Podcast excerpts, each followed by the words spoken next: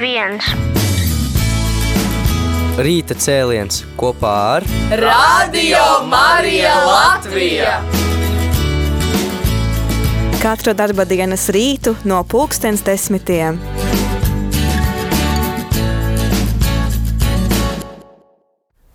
Labrīt, rādījumā arī klausītāji. Šeit studijā es, priesteris Jānis Meļikovs. Patiesībā ne studijā, bet ieraksta formātā. Un šajā reizē gribu padalīties ar kādu sarunu, interviju ar īpašu cilvēku. Pirms kāda laika rādījumā arī Latvija viesojās Liepājā. Un nezinot, izrādās, ka Liepājā viesojās Liepājas vai Latvijas Dominikāņu kopienu apciemoja viņu Dominikāņu ordeņa ģenerālis.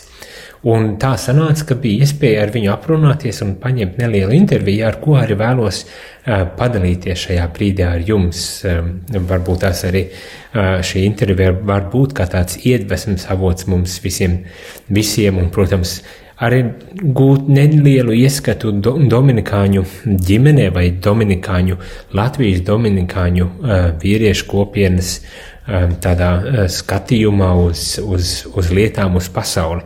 Ceru un novēlu, lai šī intervija tiešām būtu uh, iedvesmas un iedrošinājuma uh, pilna.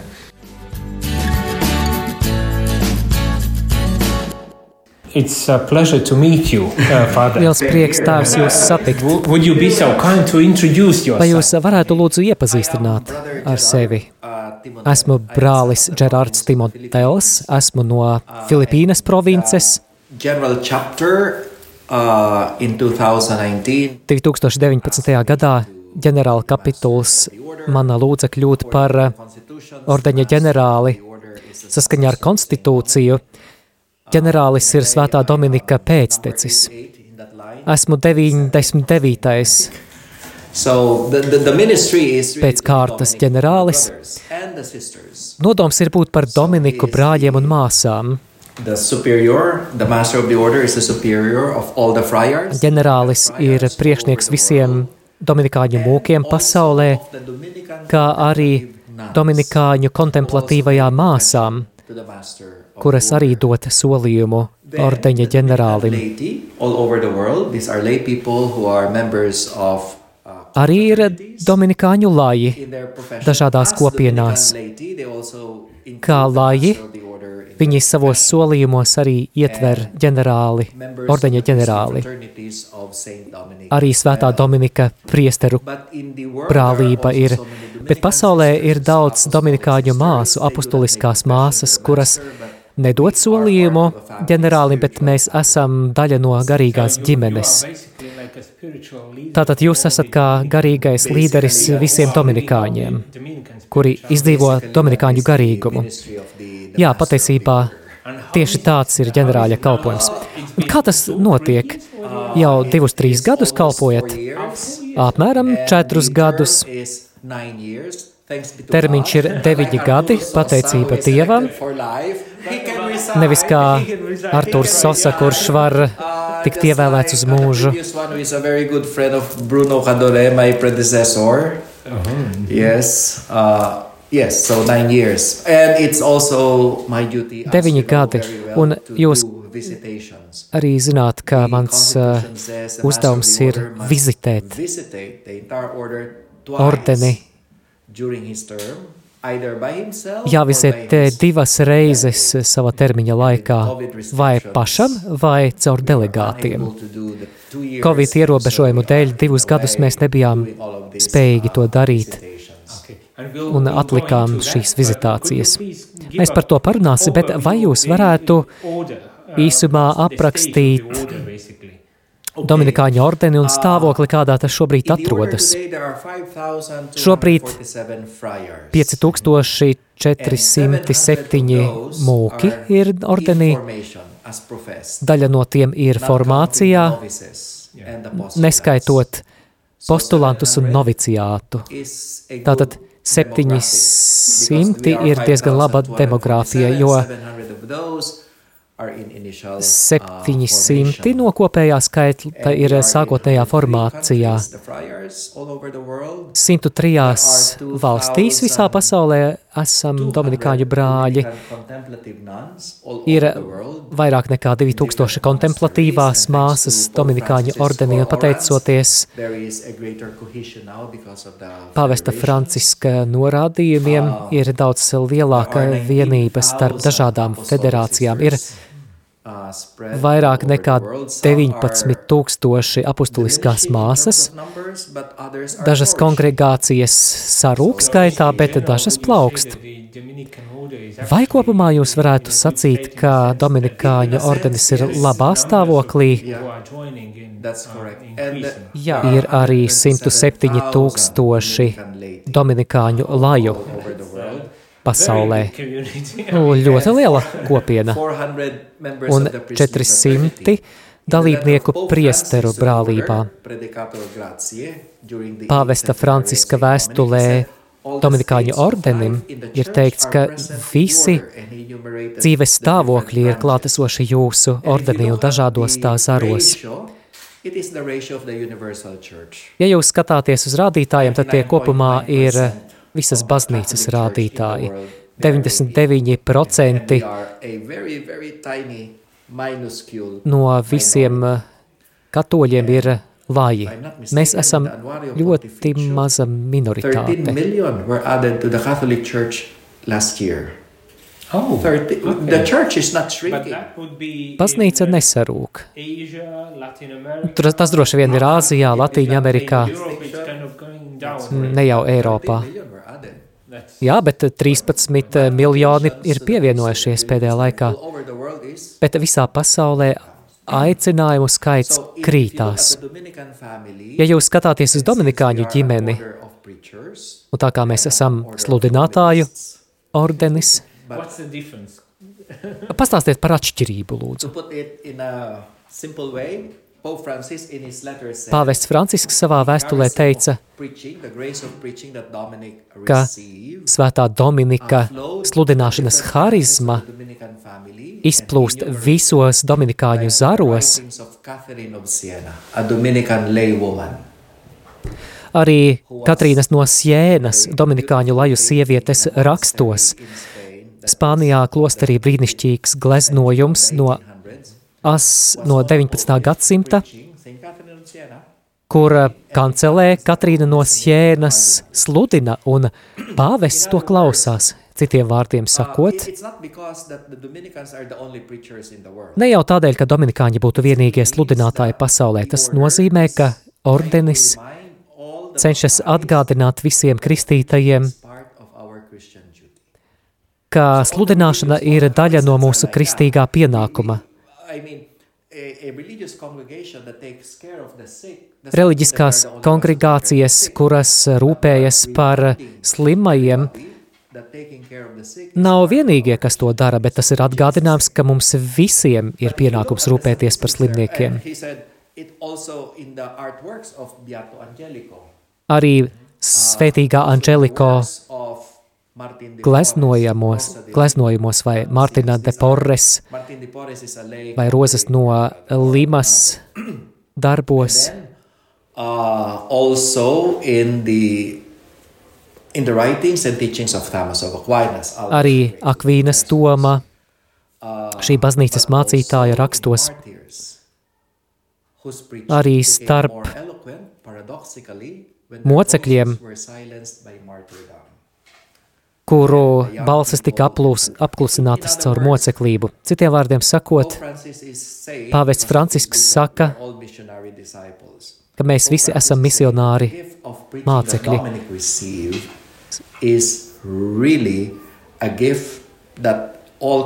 Svētā Dominika sludināšanas harizma ir dāvana, ko ik viens var izdzīvot atbilstoši savam dzīves stāvoklim baznīcā. Saskaņā ar rādītājiem apmēram 107 tūkstoši dominikāņu laju. Tas nozīmē, ka vai lielākā daļa no dominikāņu sludināšanas tā ir laju, nevis garīdznieku sludināšana. Vai ir kādi izaicinājumi šodien sludināt evaņģēliju, jo apstākļi ir citādāki nekā Dominika laikā? Jā, tieši tā. Tas, protams, ir izaicinājums. Dominika laikā tas bija izaicinājums tādēļ, ka bija herētiķi. Bija cilvēki, kas dzīvoja ļoti skarbu dzīvesveidu, jo domā, ka matērija ir ļauna, bet gars ir labs. Protams, katoliskā teoloģija to nesludina. Dievs radīja visu labu, ir jāpieņem viss, un Dominiks to sludināja. Kas šobrīd ir šķērslis?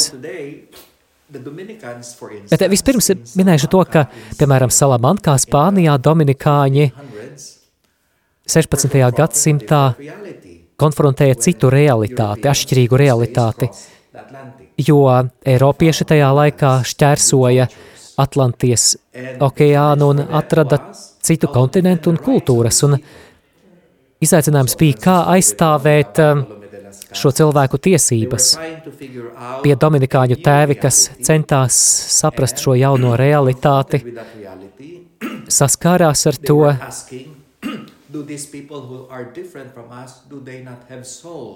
Un viņi jautāja, vai tad šie cilvēki, kur ir atšķirīgi no mums, vai tad viņiem nav dvēseles kā mums? Viņi runāja par universālajām cilvēktiesībām, kā mēs to šobrīd pazīstam. Tas bija izaicinājums tajā laikā. Šodien, kāds šodien ir izaicinājums? Cilvēki, kas ir vienaldzīgi pret baznīcu, cilvēki, kas meklē kaut ko garīgu un reliģisku, bet neatrod to institucionālajā baznīcā, un mēs to zinām.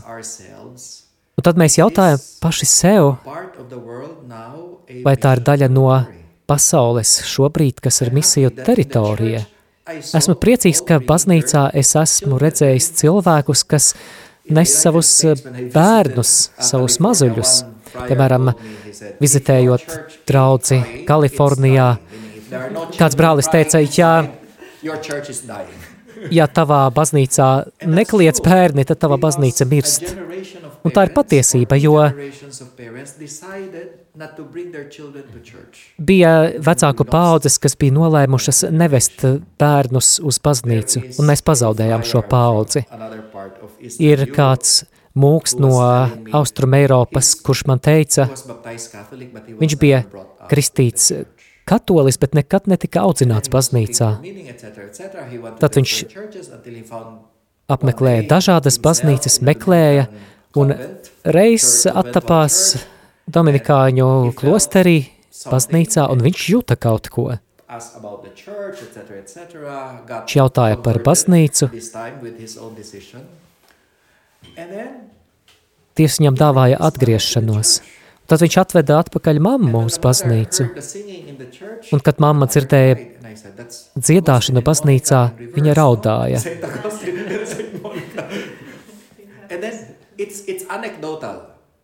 Tas ir gandrīz anekdotiski, bet mēs jautājam, cik daudz šādu stāstu notiek mūsdienās. Es domāju, ka tas ir izaicinājums ikvienam no mums.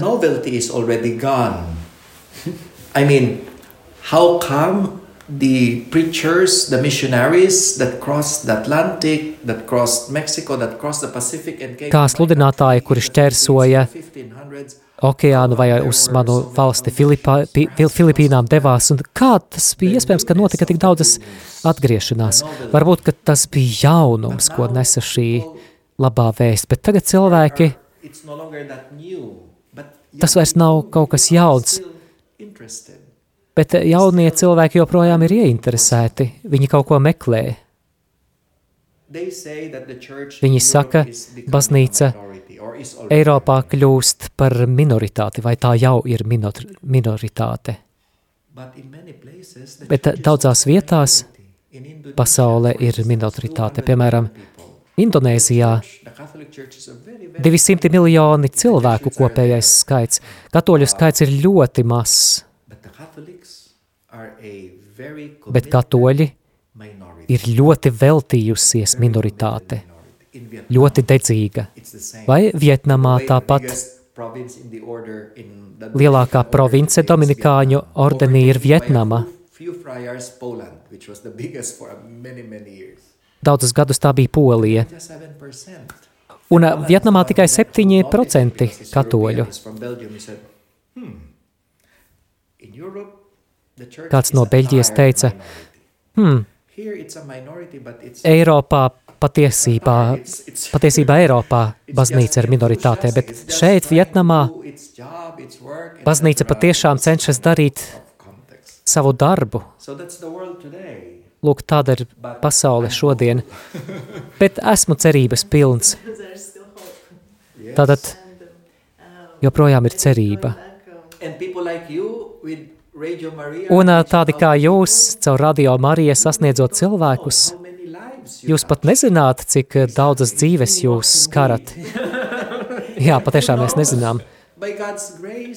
Un kas to lai zina? Varbūt caur Dieva žēlastību jūs aizsniedzat tik daudz cilvēkus un Dieva žēlastības klusumā viņi jūtas svētīti. Es gribēju jautāt par jūsu vizīti šeit Liepājā. Vai jums ir kāds konkrēts mērķis, vai vienkārši redzēt, kā brāļi dzīvo? Pirmais, tas ir mans pienākums saskaņā ar konstitūciju. Otrais, pat iepriekšējie ģenerāļi to sauca par vizitācijām, kas ir vienlaicīgi svētceļojumi. Tas ir svētceļojums, jo mēs redzam brāļu klātbūtni, viņu sludināšanu, tā ir svēta vieta. Dažreiz viņi paši tam netic, bet tas patiesībā tā ir. Un tāpēc tas ir svētceļojums. Tā kā, un ā, tas arī ir tas, ko mēs mēģinām pateikt, ka tās labās lietas, ko redzam daudzās vietās, that it's possible. Mēs stāstām liecības, lai visi zina, ka tas ir iespējams. Piemēram, šeit Liepājā, ja mēs runājam par ekumēnismu, Es biju pārsteigts, jo citās pasaules daļās nav tāda ekumēnisma, bet šeit tā ir dzīva realitāte. Cilvēki varbūt par to nerunā, jo tas vienkārši šeit ir klātesošs. Tas nozīmē iedrošināt brāļus. Jā. that is the ministry of leadership in the church. Tāds ir uh, baznīcas līderu kalpojums. Encouraging people in the faith. Kalpojums iedrošināt cilvēkus ticībā. Tas ir tas, ko Jēzus teica Pēterim. Pēteri, stiprini savu brāļu ticību. Lūk, tā mēs katoļu baznīcā redzam līderību. Tāds ir pāvesta aicinājums, kad pāvests dodas pa pasauli. Jā, šāda ir mūsu kalpošana. Kā jūs redzat mazo kopienu nākotni, jo vismaz Eiropā šķiet, ka kopienas kļūst mazākas un mazākas. Arī Latvijā kopienas sarūk.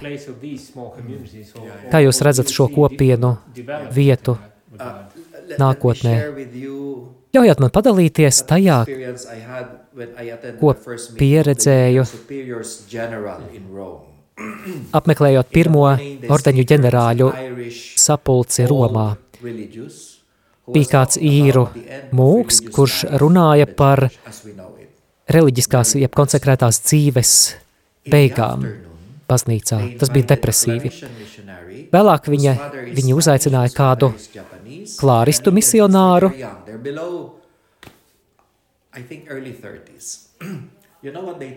jaunāks par 30 gadiem. Un viņš teica, mums vienalga par skaitļiem, mēs tam nepievēršam uzmanību, mēs runājam par kvalitāti, un tāpēc mēs pievienojamies konsekrētajai dzīvei. Manuprāt, svarīgi to saprast. Gadsimtiem ilgi baznīca ir pieradusi pie lieliem skaitļiem, lielā mērā pateicoties kristietības, arī politiskajai ietekmei, bet tagad, kad šie skaitļi ir kritušies, šķiet, ka mēs kaut ko esam pazaudējuši. Bet mēs esam pazaudējuši to spēku, kas ir nevis skaitļos. Bet kvalitātē. Arī baznīca uzsāka savu darbību, esot kā sinepju sēkliņa, proti maza, būt par minoritāti.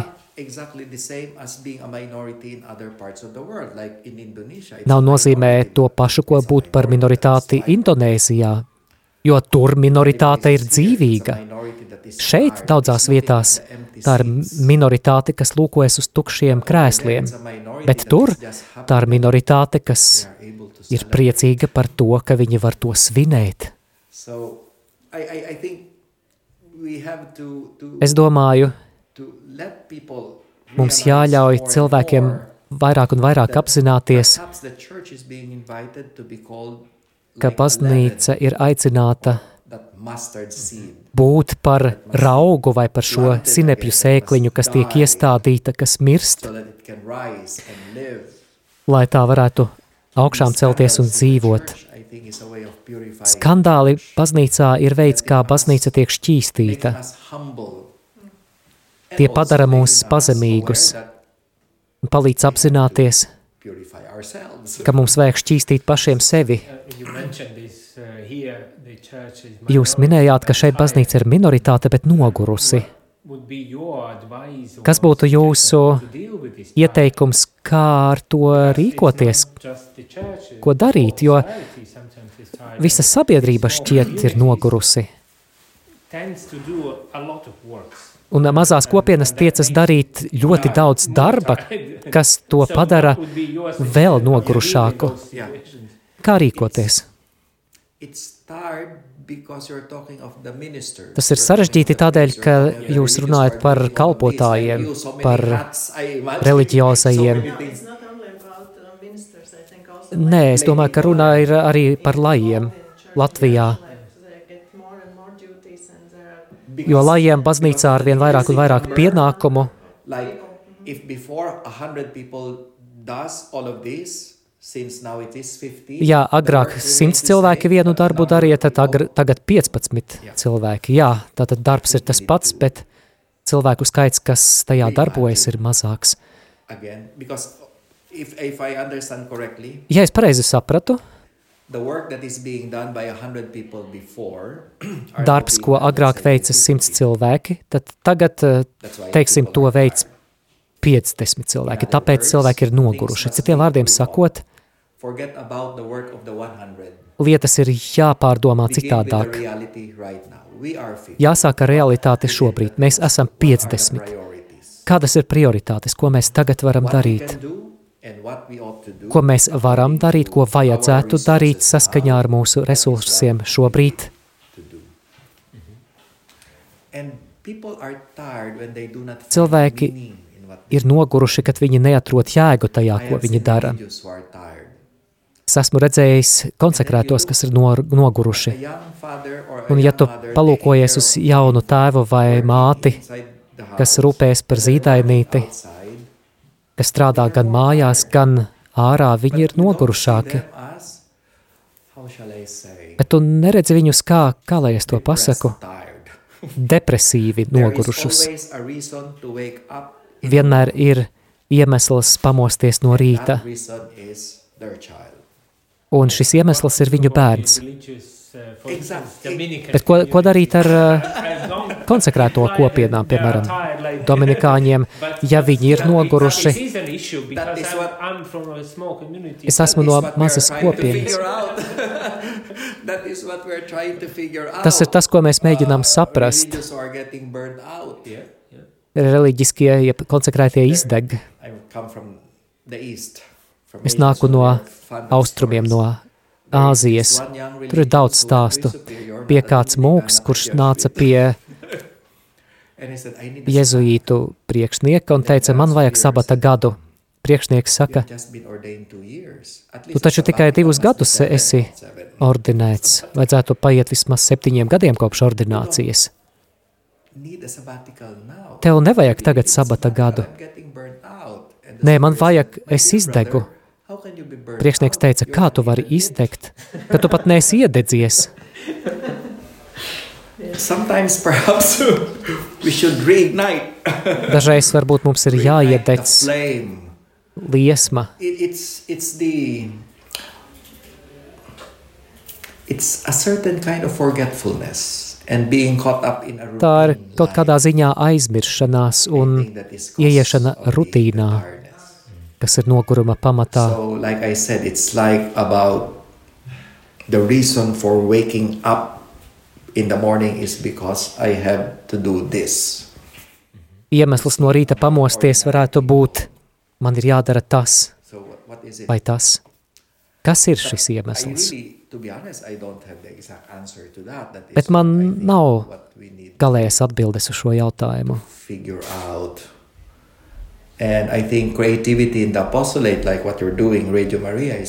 Es domāju, ka apostulāts kā radio Marija ir viens no veidiem, kā jūs varat aizsniegt cilvēkus, kā varat runāt valodā, ko saprot cilvēki. Uh, uh. How Tā nav tikai radio, bet arī kristīgā prese. to the church, so how to reach them also. Mhm. I think I, I, have uh, one more, or maybe two more questions. Uh, Un vēl daži jautājumi. About, uh, how do you see Es domāju par to, kā, tu, kā jūs redzat kopienu šeit, Liepājā. Ah, this is on first. We will Okay. have after Okay, okay. in the afternoon we'll have our community Pēcpusdienā mums būs kopienas tikšanās. Tas, kā mēs veicam kanoniskās vizitācijas, mēs vispirms apmekl, tiekamies individuāli, un tad vēlāk kopienā. Mums ir komunitārs pārvaldes veids.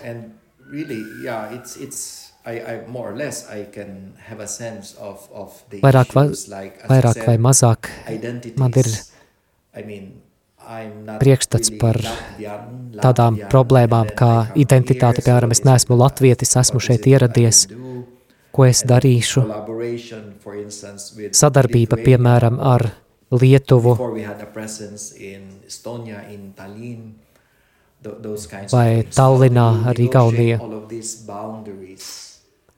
Kā sarunāties pāri šīm robežām, tas ir svarīgi. Tas ir baznīcas vēstījums pasaulē.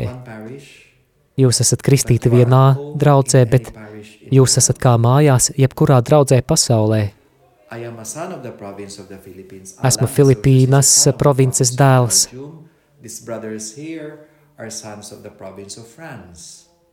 Kādi citi pieder Beļģijas vai Francijas provincē, bet mēs visi esam brāļi. That, that, that kind of, yes, somewhere, Jā, šur tur ir stingra identitātes izjūta, common.